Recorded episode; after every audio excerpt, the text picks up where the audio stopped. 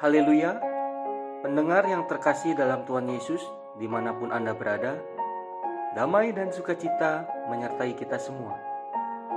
Renungan sau bagi jiwa yang disajikan Gereja Yesus Sejati berjudul Berjalan-jalan di tengah-tengah api.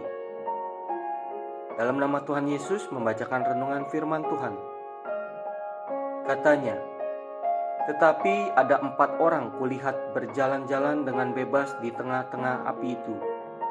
Mereka tidak terluka, dan yang keempat itu rupanya seperti anak dewa. Kitab Daniel pasal 3 ayat 25.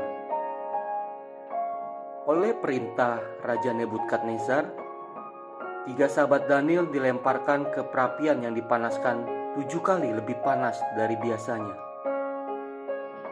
Begitu panasnya, sampai-sampai orang-orang yang mengangkat mereka ke dalam perapian itu pun mati terbakar. Jangankan tiga orang yang dicampakkan ke dalamnya. Tetapi, kala Raja Nebukadnezar yang sedang meluap amarahnya itu melihat ke dalam perapian, bukannya mendengar suara teriakan atau rintihan kesakitan, dia melihat tiga orang itu tidak terikat, tidak terluka, dan berjalan-jalan dengan bebas di tengah-tengah api itu. Lebih mengherankan lagi, yang dilemparkan ada tiga orang, tetapi dia melihat ada empat orang, dan orang keempat itu wajahnya seperti anak dewa, menemani ketiga orang itu berjalan-jalan di tengah api. Kejadian yang mengherankan ini bukanlah cerita fiktif karangan manusia, melainkan kejadian yang sungguh-sungguh terjadi di dalam sejarah bangsa Yahudi.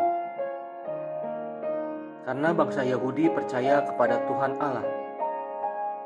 Sewaktu bangsa itu mengalami kesengsaraan yang sangat berat, Tuhan turun tangan menyelamatkan mereka sehingga terlepas dari kesusahan.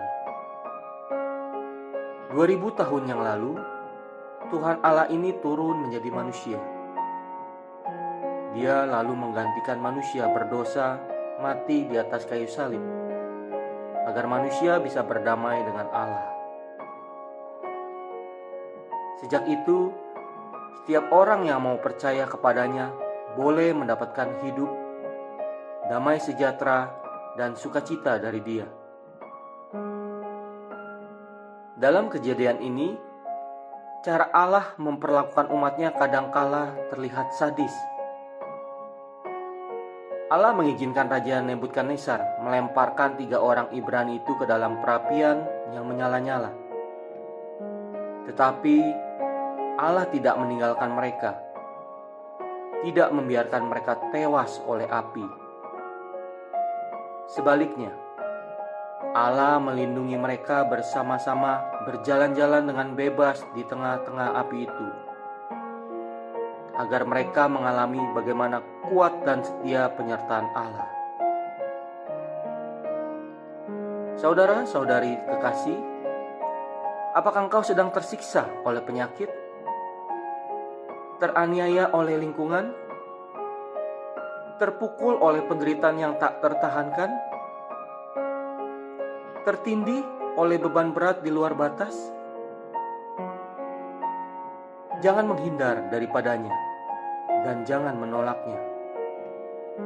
Karena Allah adalah tukang periuk terbaik yang sedang membentuk engkau menjadi laskarnya untuk melakukan pekerjaannya yang mulia.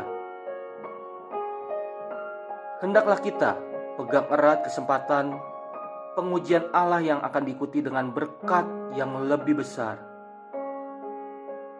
Dialah yang akan membuat musuh menjadi alat kemajuan kita. Sebelum subuh akan ada kegelapan yang paling gelap. Sebelum penyelamatan akan ada pengujian yang paling berat.